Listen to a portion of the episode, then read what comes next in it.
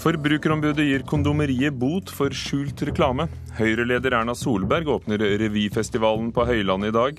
Danske politikere ønsker høring om sensur på Facebook.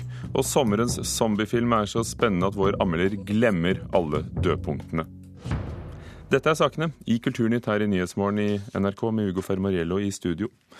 Butikkjeden Kondomeriet får bot for eh, sitt siste reklamepåfunn. Plakatene og TV-snuttene og nettsiden som oppfordrer til skilsmisse, har fått publikum til å sperre opp øynene de siste dagene. Publikum får ikke vite at det er en ironisk reklame fra nettopp Kondomeriet. Skjult markedsføring, sier Forbrukerombudet, som varsler gebyr på opptil 200 000 kroner. Jeg har blitt en mye mer spontan og sosial person. Jeg oppfordrer alle vennene mine til å skille seg. Det er vel noe sånn derre hvis du ønsker å skille deg nå.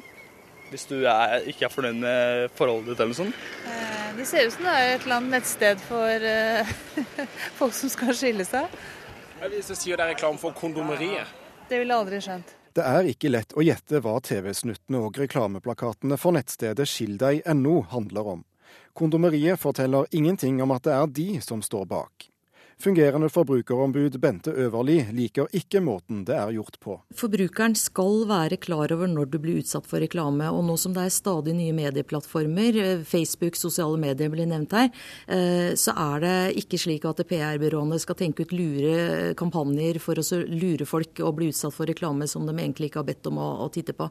Og den spekulasjonen som går, viser jo nettopp problemet. Folk vet ikke hva dette er, og de vet i hvert fall ikke at det er reklame for en bedrift som selger produkt eh, som de vil at folk skal kjøpe. Kondomeriet har forsøkt seg på omvendt psykologi og ironi ved å reklamere for en nettside fra det de kaller Oppfordringskontoret for ekteskapsbrudd. Nærmere 50 000 har besøkt nettstedet siden mandag. Håpet er at folk heller skal pleie forholdet med erotiske produkter. Presseansvarlig Sofie Jonsson innrømmer at det er satt på spissen. Det vi har villet, er å ha skapa en debatt. Og det er å få fram det her viktige emnet. Vi ser jo enligt undersökelser at 50% av de som gifter seg, skiljer seg. Og det er jo ganske skremmende statistikken. Eh, og spesielt i en travel hverdag så er det, er det, ofte som man glemmer bort å være kjærester. Og det er det vi har lyst til å ta opp til diskusjon, da. Forbrukerombudet mener kampanjen benytter seg av skjult markedsføring på linje med det Norsk Tipping gjorde i vinter, da en fiktiv lottomillionær tilsynelatende ga bort alt han eide gjennom en nettside. Den kampanjen ble ilagt et gebyr på 200 000 kroner. Bente Øverli sender i dag et brev til kondomeriet, der ombudet varsler tilsvarende reaksjon. De vil da måtte selvfølgelig stanse kampanjen eh, umiddelbart, men det vil også kunne få rettslige følger, sånn som det hadde i Norsk Tipping-saken. Eh, det kan også ende med et gebyr. Sofie Jonsson i kondomeriet sier det er for tidlig å kommentere Forbrukerombudets reaksjon. Hvis vi skal si eller mene det nå, så blir det bare spekulasjoner. Så det må vi vente med. Men ser dere at dette kan oppfattes som skjult reklame? Det må vi også ta når brevet kommer. Det er ingenting som, som jeg kan sitte og spekulere i. Sa kondomeriets representant til vår reporter Thomas Alvarstein Ove.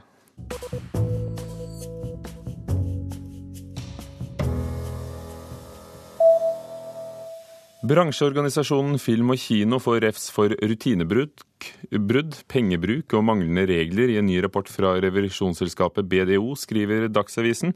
Film og Kino forvalter den offentlige avgiften på omsetning av video og DVD, og styreleder Knut Even Lindsjøen sier til avisen at rutinene har vært for dårlige, og at organisasjonen skal rette opp feilene i tiden fremover.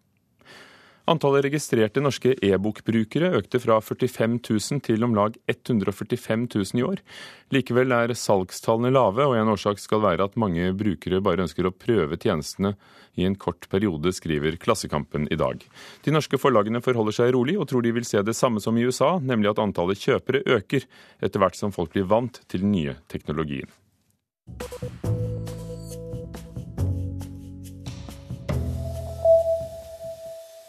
I dag åpner revyfestivalen på Høylandet i Nord-Trøndelag for 15. gang. Festivalen har eh, arbeidet for å rekruttere ungdom, og det virker, forteller festivalsjef Anita Østby.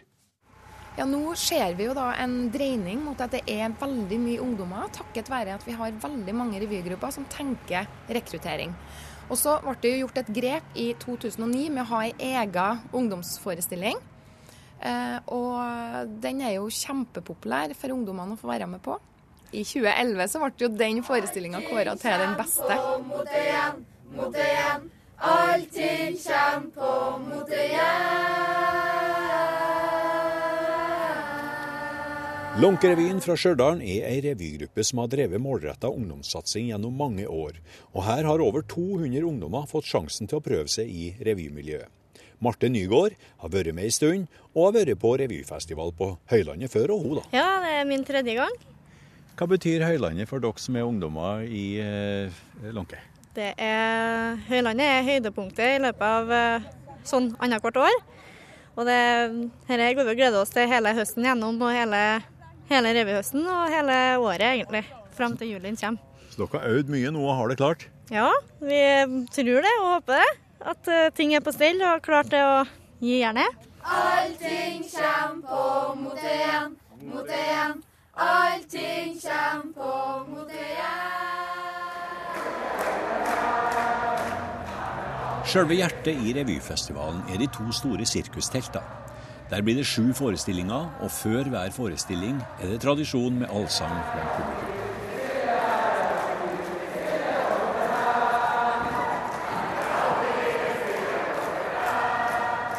Det er herlig positiv stemning som møter artistene bak de 100 revyinnslagene som skal presenteres for publikum og jury. Og Finaleforestillinga er så populær at den kjøres to ganger.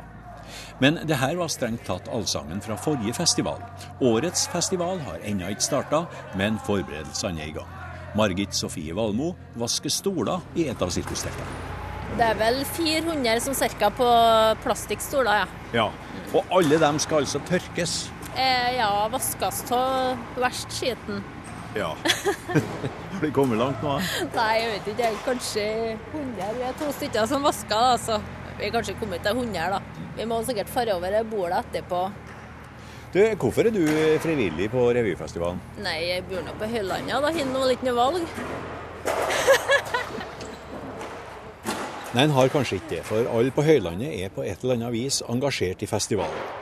Men de som kommer hit og skal vise fram revynumrene sine, hvor kommer de ifra? Festivalsjef Anita Østby. De kommer ifra hele landet. Dog ikke 19 fylker, men 14. Så det er vi veldig glad for. Er det enkelte områder som er sterkere representert enn andre? Ja, det varierer litt fra år til år, men i år så er det begge trøndelagsfylkene. De er nå bestandig ganske sterke. Eh, og så har vi de tre nordlige fylkene som er godt representert i år.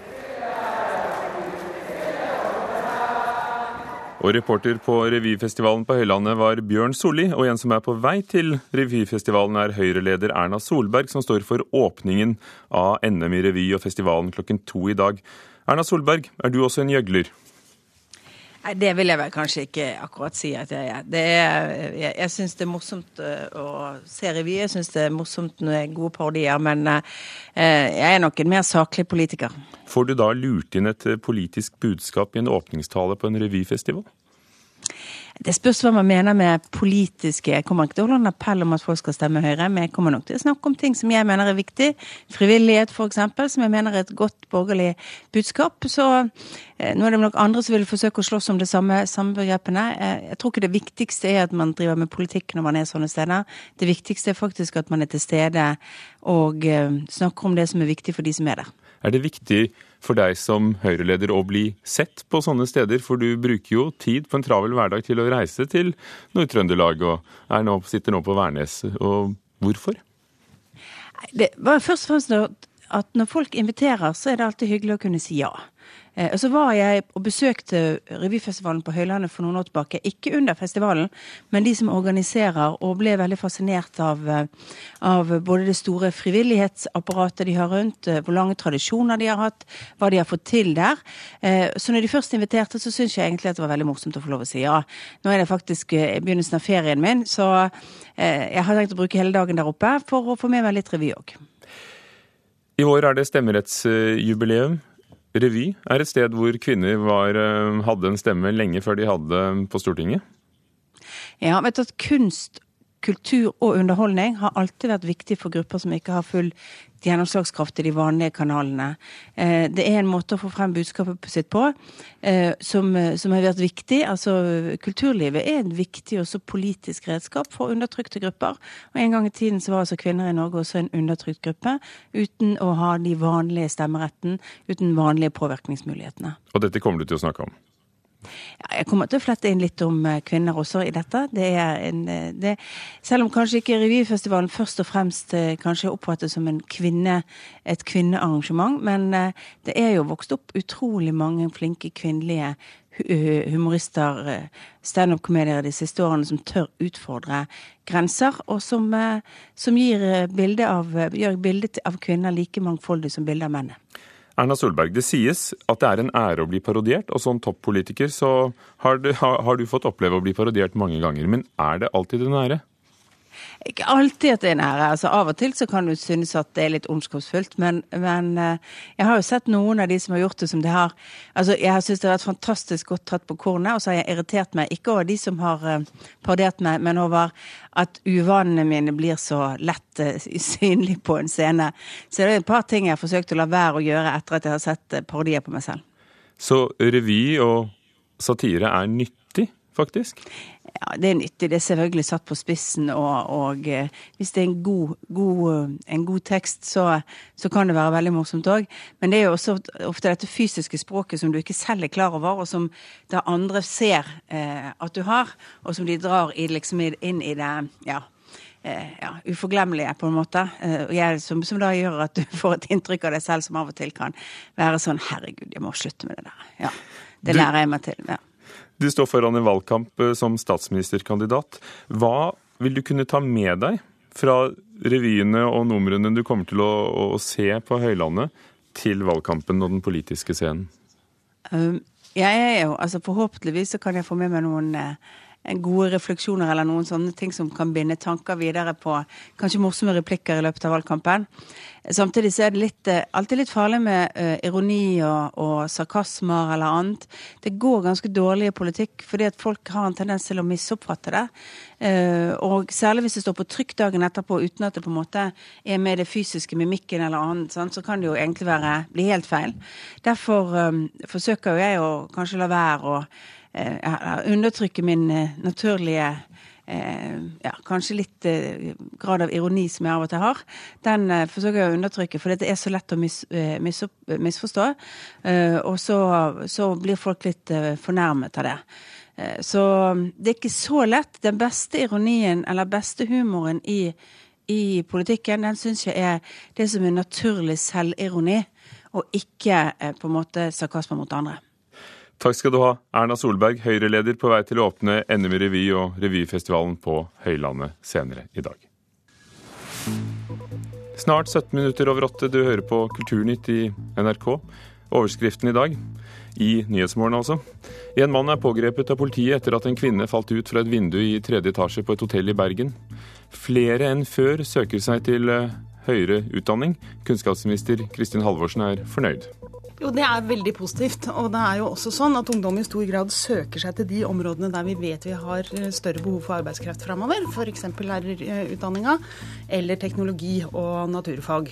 Og vi ser også en trend blant ungdom til at man ønsker å ha lik eller litt høyere utdanning enn det foreldrene eh, hadde. Og vår anmelder ser sommerens zombiefilm med Brad Pitt i hovedrollen og forteller alt hva han synes senere her i Kulturnytt. Danske politikere bekymrer seg over sensur på Facebook. Nå ønsker bl.a. Sosialdemokratene en høring i Folketinget om nettstedets rolle i samfunnsdebatten. I Norge tar partiet Venstre til orde for en lignende granskning. Skal vi se, da skal jeg gå inn på Rød Ungdom sine eh, Facebook-sider her. Eh, det vi gjorde, var rett og slett å legge ut bilde av et kart over Kurdistan Eh, og så oppfordrer folk til å dele det. Leder i Rød Ungdom, Seher Aydar, viser fram Facebook-aksjonen ungdomspartiet skipa til, da det viste seg at det er imot Facebook sitt reglement å legge ut materiale som støtter kurdere sin kamp for selvstendig. Det er eh, en del folk som har blitt eh, stengt fra Facebook etter at de har delt mange sånne bilder. da. At Facebook fjerner innlegg de ikke liker, skaper reaksjoner verden over. I Danmark går nå flere politiske partier inn for å ha en høring på Folketinget om Facebooks samfunnsrolle og mulighetene for politisk påvirkning av den. Mogens Jensen i Sosialdemokratene mener det han kaller sensur fra Facebooks side, ikke hører hjemme i den europeiske offentlige debatten. Det er en lang rekke eksempler på en sensur som jeg ikke syns vi skal uh, akseptere. At når Facebook uh, arbeider og opererer i, uh, i Europa og i, i Danmark, så skal de gjøre det ut fra våre normer og verdier på, på samme måte som alle andre medier. Eksempler på at ting er blitt fjerna er mange. I Danmark har en fotograf fått fjerna bildene sine fra hippietida pga. noen blotta bryst. Og en politiker ble stengt ute pga. ytringer mot statsminister Helle Thorning-Schmidt.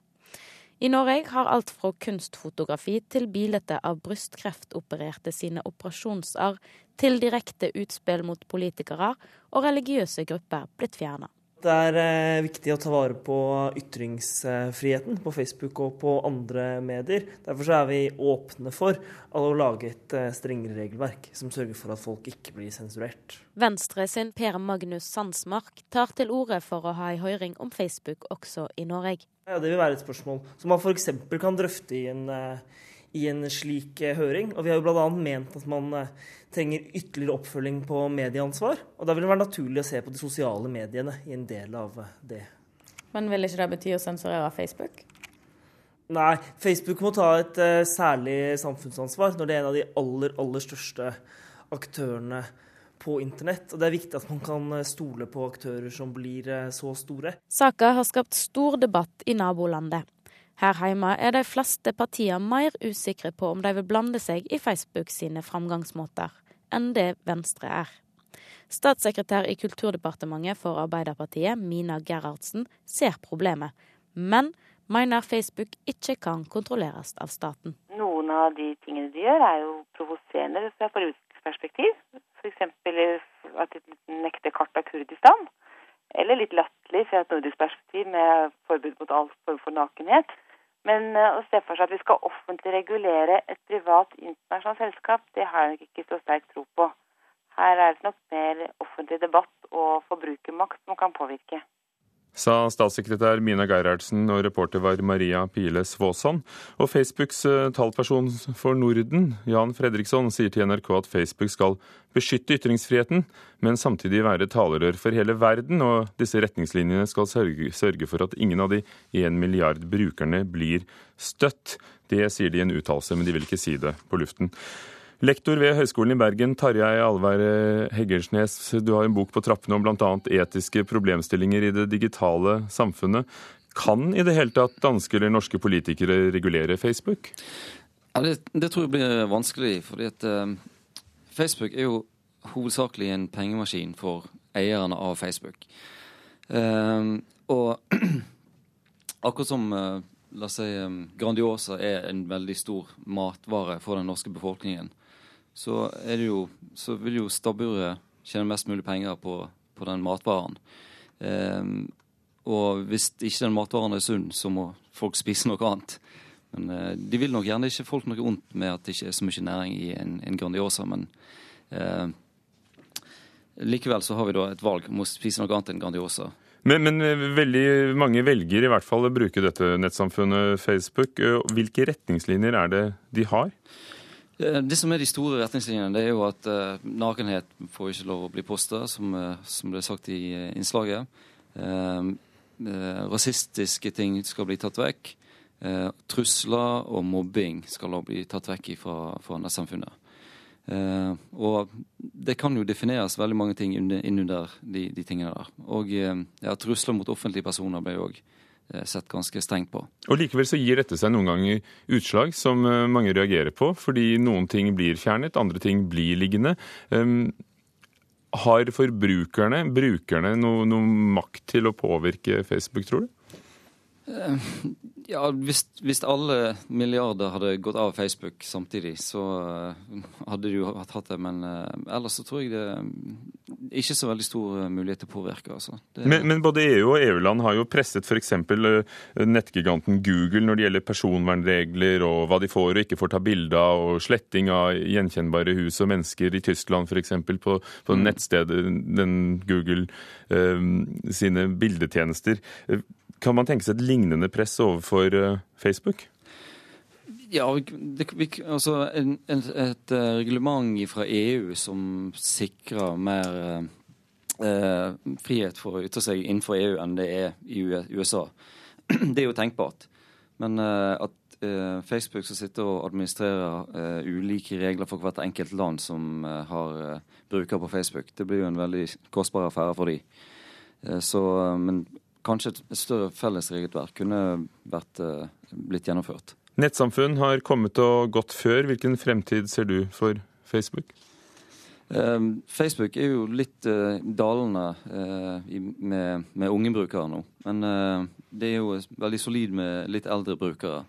Så det er nok en generasjon nå som vil holde seg på Facebook en, en, en god stund.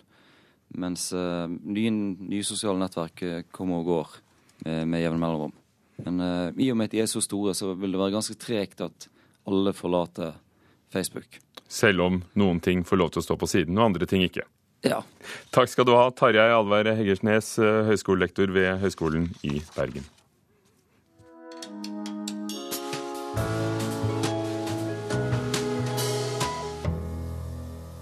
En zombiefilm uten dødpunkter, men som dessverre lider av en slutt som henger i løse luften. Det er hva filmpolitiets Rune Haakonsen har å si etter å ha sett katastrofefilmen World War Z. Does it live on the Great Plains of Africa? No. Hey. What is going on? Hvor sårbart er egentlig samfunnet vårt? Vil dagens samfunnsorden overleve om en kataklysmisk katastrofe utrydder brorparten av menneskeheten? Med et kaldt gufs fra orkanen Katarinas etterspill skremmer og underholder Hollywoods effektspesialister i storfilmen World War Z. Hverdagen til den tidligere FN-etterforskeren, og nå familiepappaen Gary Lane, spilt av Brad Pitt, endres brått til en kamp for å overleve når en ukjent sykdom tar over kloden på rekordtid. De som rammes, dør, men vandrer fortsatt omkring på jakt etter nye verter som kan spre sykdommen videre. Premisset for World War Z er ikke originalt. Det er jo tross alt zombier. Lignende filmer er allerede skapt flere ganger opp gjennom de siste ti årene. Men få har maktet å kombinere de intense personlige øyeblikkene med et overordnet blikk på hvordan restene etter menneskenes institusjoner møter en helt ny verdensorden. Dette er Gary Lanes fortelling. Zombiene i regissør Mark Fosters storfilm har få fellestrekk med de zombiene vi kjenner fra andre filmer. I World War C er de raske, sterke og overmenneskelige. Lyd og lys aktiverer jaktinstinktene og fører til en rekke voldsomme konfrontasjoner. Enten det er byen Jerusalems endelikt, eller en personlig kamp mellom Lane og en eneste zombie. Den første halvannen timen i World War C viser hvordan verdenssamfunnet bryter sammen. Før filmen gjør et overraskende taktskifte og stiller FN-gruppa, som Lane leder, ansikt til ansikt med zombiene. Boken filmen er basert på, er skrevet av Max Brooks og forteller bruddstykker fra en over ti år lang kamp mot zombiene.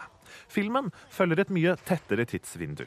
Lane er den røde tråden mellom de svært ulike og geografisk spredte områdene FN-etterforskeren må besøke i jakten på informasjon om utbruddet. Brad Pitt i rollen som Jerry Lane er alltid til stede. Hans eh, ansikt og stadige nærvær i nesten alle filmens scener stopper andre elementer fra å slite den i stykker. De mange geografiske hoppene gjør at eh, filmens bestanddeler ikke alltid spiller på lag. Musikken i World War C er anonym og uoriginal. Ja, uten en rød tråd. Filmmusikk skal ikke bare være en stemningsskaper, den skal også knytte sammen hendelser og forventninger. En slik samlende tanke kan ikke spores i musikken til Marco Beltrami i World War Z. Den mangler faktisk både identitet og et gjenkjennelig tema. Produksjonen av Brad Pitts storfilm har vært preget av mange utfordringer. Etter hovedinnspillingen var ferdig, var manuset gjennom ytterligere to omskrivninger med to forskjellige manusforfattere. Hele syv uker med ekstra opptak måtte til for å få filmen ferdig. En kostbar redningsaksjon, med andre ord. Som også har resultert i en vending mot slutten av filmen som ikke ligner resten. Filmens avslutning henger rett og slett i løse lufta og bidrar til at filmen ikke blir verken en zombieklassiker eller en sjokkerende thriller. Men de spennende øyeblikkene kommer likevel så tett at når rulleteksten starter, husker du ikke noen av dødpunktene i World War Z. Rune Håkonsen om ukens premierefilm.